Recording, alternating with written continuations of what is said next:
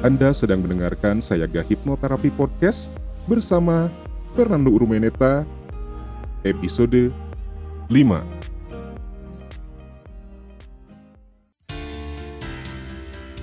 Selamat datang di serial audio podcast bersama Sayaga Hipnoterapi. Institusi penyedia layanan hipnoterapi dan konseling profesional di Kota Bandung yang membantu penanganan berbagai masalah kesehatan, emosi, dan perilaku yang mengganggu kualitas hidup. Berpijak pada nasihat luhur, eling, waspada, Lansayaga, serial audio podcast Sayaga Hipnoterapi hadir untuk membantu Anda menata kehidupan yang berkualitas secara fisik, mental, emosional, dan spiritual dengan sikap yang lebih berkesadaran, lebih berwaspada, dan lebih bersiaga. Halo kawargian Sayaga di mana pun Anda berada, Jumpa lagi dengan saya Fernando Urmeneta dalam audio podcast Sayaga Hipnoterapi. Tentunya tidak lupa saya selalu mendoakan agar kawargian semua tetap dalam kondisi sehat, bahagia, sejahtera, dan berkelimpahan di berbagai aspek kehidupan. Dalam pengalaman saya memberikan pelayanan hipnoterapi selama 12 tahun terakhir ini, ada begitu banyak pertanyaan yang diajukan oleh calon klien berkenaan dengan proses hipnoterapi yang akan mereka jalani. Salah satu pertanyaan yang paling sering diajukan adalah bagaimana hipnoterapi dapat membantu mereka menyelesaikan permasalahan yang sedang dihadapi. Dengan kata lain, para klien ini bertanya mengenai bagaimana hipnoterapi bekerja. Untuk menjawabnya, maka kita perlu mengetahui terlebih dahulu bagaimana permasalahan bisa terjadi di dalam kehidupan manusia seorang tokoh yang cukup terkenal di dalam dunia psikologi maupun di dalam dunia pengembangan diri yang bernama Virginia Satir mengatakan bahwa permasalahan sesungguhnya bukanlah masalahnya. Yang menjadi masalah adalah bagaimana respon atau persepsi kita terhadap permasalahan itu sendiri. Sehingga bisa dikatakan bahwa suatu kondisi menjadi sebuah permasalahan tergantung dari persepsi kita terhadap situasi atau kondisi itu sendiri. Lalu, bagaimana persepsi kita terhadap situasi tertentu terbentuk? Persepsi kita terhadap situasi atau kondisi tertentu terbentuk berdasarkan rekaman data pengalaman yang didapatkan dari proses hasil belajar di setiap fase kehidupan yang pernah kita lalui. Ketika kita mengalami suatu peristiwa yang tidak menyenangkan di satu fase kehidupan tertentu, maka peristiwa itu akan meninggalkan jejak-jejak trauma yang di kemudian hari akan muncul menjadi masalah di dalam kehidupan kita.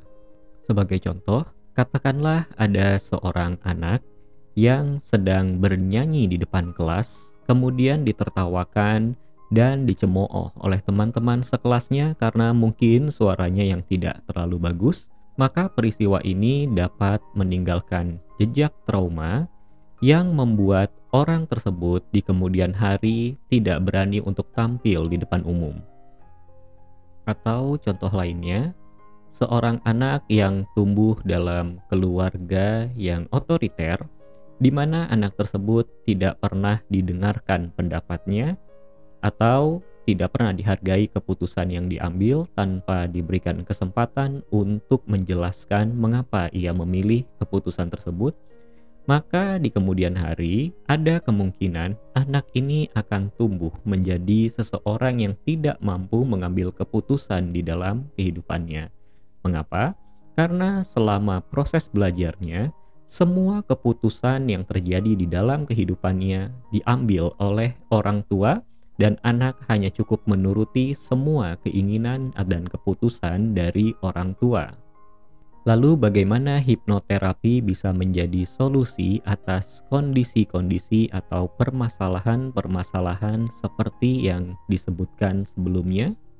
Pertama sekali, kita perlu untuk memahami bahwa hipnoterapi tidak sama dengan hipnosis untuk pertunjukan di mana dalam pertunjukan di televisi sering kali ditampilkan bahwa hipnosis dapat menjadi solusi yang instan untuk permasalahan-permasalahan tertentu.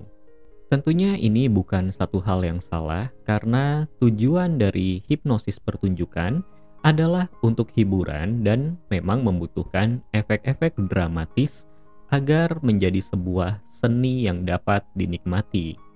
Namun, tidak demikian dengan hipnoterapi. Karena dalam proses hipnoterapi ada begitu banyak kaidah-kaidah yang perlu diperhatikan agar ketika memberikan layanan hipnoterapi, praktisi tidak justru membuat kondisi klien menjadi semakin buruk. Maka, berbeda dengan hipnosis panggung yang berkesan dapat menyelesaikan masalah secara instan, hipnoterapi justru membutuhkan kehati-hatian dan ketelitian dalam menilai permasalahan klien, sehingga hipnoterapis dapat memilih berbagai pendekatan yang sesuai dengan klien dan juga sesuai untuk permasalahan yang sedang dialami oleh klien. Di sisi klien sendiri, klien harus memastikan bahwa dirinya sudah benar-benar siap untuk melepaskan permasalahan yang sedang dialami, sehingga proses hipnoterapi dapat menjadi solusi yang tepat guna. Mengapa hal ini menjadi penting? Karena dalam pengalaman kami di Sayaga Hipnoterapi, ada banyak calon klien yang terpaksa ditunda dulu penanganannya karena pada saat klien datang dan menjalani sesi konsultasi, ditemukan bahwa sesungguhnya klien belum siap untuk melepas permasalahannya atau bahkan tidak jarang klien mendapatkan keuntungan dari permasalahan yang sedang dihadapi. Maka, sebagai praktisi hipnoterapi, kami di Sayaga Hipnoterapi perlu untuk memastikan kesiapan klien dalam menjalani sesi hipnoterapi. Hal lain yang juga perlu untuk diperhatikan, apakah kondisi klien memadai dan memungkinkan untuk menjalani sesi hipnoterapi. Karena ada beberapa kondisi medis dan psikologis yang tidak memungkinkan seseorang untuk mendapatkan pelayanan dengan menggunakan metode hipnosis. Contohnya, ketika ada seorang klien yang datang untuk menjalani sesi hipnoterapi dengan keluhan nyeri di dada sebelah kiri, maka ada kemungkinan klien tersebut juga memiliki gangguan jantung karena organ jantung berada di dada sebelah kiri. Maka, jika terjadi kondisi seperti ini, ada baiknya apabila klien dirujuk terlebih dahulu untuk menjalani pemeriksaan medis agar dapat dipastikan bahwa kondisi fisik klien memang tidak mengalami sebuah permasalahan tertentu dan bisa dilanjutkan dengan penanganan hipnoterapi. Hal lain yang juga perlu untuk diperhatikan ketika akan memberikan layanan hipnoterapi kepada seorang calon klien adalah apakah klien tersebut benar-benar bersedia untuk menjalani sesi hipnoterapi. Karena tidak jarang ada klien yang datang karena dipaksa oleh keluarganya padahal klien tersebut tidak merasa bahwa dirinya bermasalah. Maka penting sekali untuk praktisi hipnoterapi memastikan bahwa ketiga syarat tersebut terpenuhi sebelum menerima seseorang menjadi klien. Ketika sudah dipastikan bahwa klien siap, memungkinkan dan bersedia untuk menjalani proses hipnoterapi, maka proses selanjutnya adalah mencari kejelasan terhadap permasalahan yang akan diselesaikan. Hal ini sangat penting karena tidak jarang klien datang menemui seorang praktisi hipnoterapi dengan membawa label-label tertentu terhadap kondisi yang sedang dialami. Sebagai contoh, ada seorang calon klien yang datang ke Sayaga Hipnoterapi dan mengatakan bahwa dirinya sedang mengalami gangguan kecemasan. Padahal setelah dilakukan penelusuran secara mendalam, ditemukanlah bahwa masalah klien sesungguhnya adalah takut untuk berbicara di depan umum. Ya memang ketika klien harus berbicara di depan umum, dia merasakan cemas, tetapi tentunya ini berbeda dengan gangguan kecemasan yang memang sudah masuk ke dalam gangguan mental. Maka sangat penting bagi hipnoterapis untuk tidak terjebak dalam label-label yang dibuat oleh klien sehingga nantinya dapat memberikan sebuah pelayanan yang tepat guna. Setelah didapatkan kejelasan terhadap permasalahan yang ingin diselesaikan, maka selanjutnya hipnoterapis perlu untuk membuat kesepakatan dengan klien mengenai indikator dari keberhasilan yang diharapkan oleh klien terhadap kondisinya. Hal ini untuk membuat setiap sesi hipnoterapi yang dilakukan terukur dan dapat dipertanggungjawabkan serta dapat menghindari terjadinya sesi-sesi hipnoterapi yang tidak diperlukan. Setelah indikator keberhasilan disepakati bersama, maka proses intervensi dapat dilakukan. Pertama-tama, hipnoterapis akan melakukan proses induksi untuk mengantarkan klien ke dalam kondisi hipnosis yang dibutuhkan.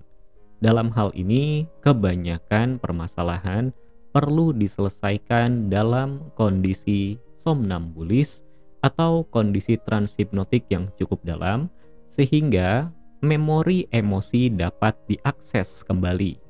Setelah hipnoterapis memastikan bahwa klien berada dalam kondisi trans yang dibutuhkan, dilakukanlah penelusuran untuk menemukan akar masalah. Proses ini perlu kehati-hatian dan ketelitian karena di dalam penelusuran menemukan akar masalah, hipnoterapis akan dihadapkan pada dua hal, yaitu faktor yang menyebabkan penguatan kondisi tertentu atau sering kali disebut sebagai subsequent sensitizing event dan juga faktor utama terhadap kondisi tertentu atau sering disebut sebagai initial sensitizing event. Ketika melakukan penelusuran, maka hipnoterapis harus memastikan bahwa initial sensitizing event ditemukan sehingga dapat diberikan penanganan sesuai dengan kondisi yang terjadi ketika peristiwa itu terjadi pertama kalinya. Biasanya, setelah initial sensitizing event ditemukan, maka akan diikuti dengan pelepasan emosi, sehingga pada akhirnya emosi bisa terlepas atau terdisosiasi dari pengalaman masa lalu. Ketika proses pelepasan emosi selesai dilakukan, maka klien akan dibimbing untuk memberikan sebuah pemaknaan yang baru dari peristiwa yang terjadi, sehingga klien memiliki perspektif yang baru terhadap permasalahan tersebut, sehingga ketika terjadi lagi peristiwa yang sama di kemudian hari, peristiwa tersebut tidak lagi menimbulkan atau memunculkan gejala emosi tertentu yang mengganggu dan juga tidak jarang menghambat kehidupan. Setelah proses hipnoterapi dilakukan, maka hipnoterapis akan memonitoring untuk memastikan bahwa indikator keberhasilan yang sudah disepakati terpenuhi dengan baik, atau apabila belum terpenuhi, atau belum sesuai dengan keinginan klien, maka bisa dijadwalkan untuk sesi yang berikutnya. Itulah sebabnya dalam beberapa kasus, hipnoterapi tidak cukup dilakukan dalam satu sesi saja.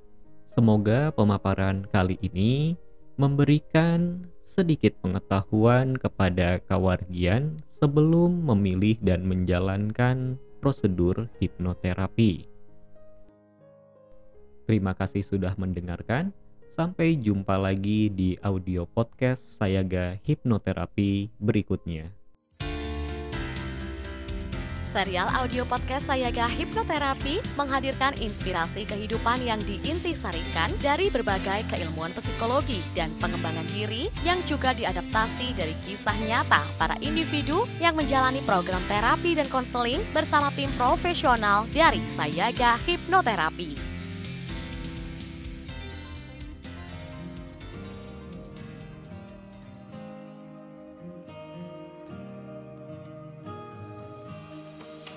Dapatkan lebih banyak inspirasi menarik lainnya dengan ikuti Instagram @sayagahipnoterapi Bandung dan podcast channel Sayaga Hipnoterapi.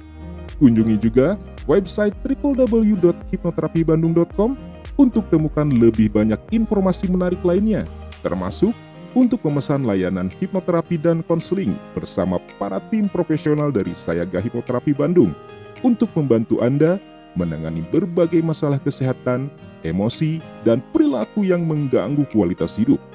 Mari menjalankan kehidupan yang eling, waspada, lan sayaga.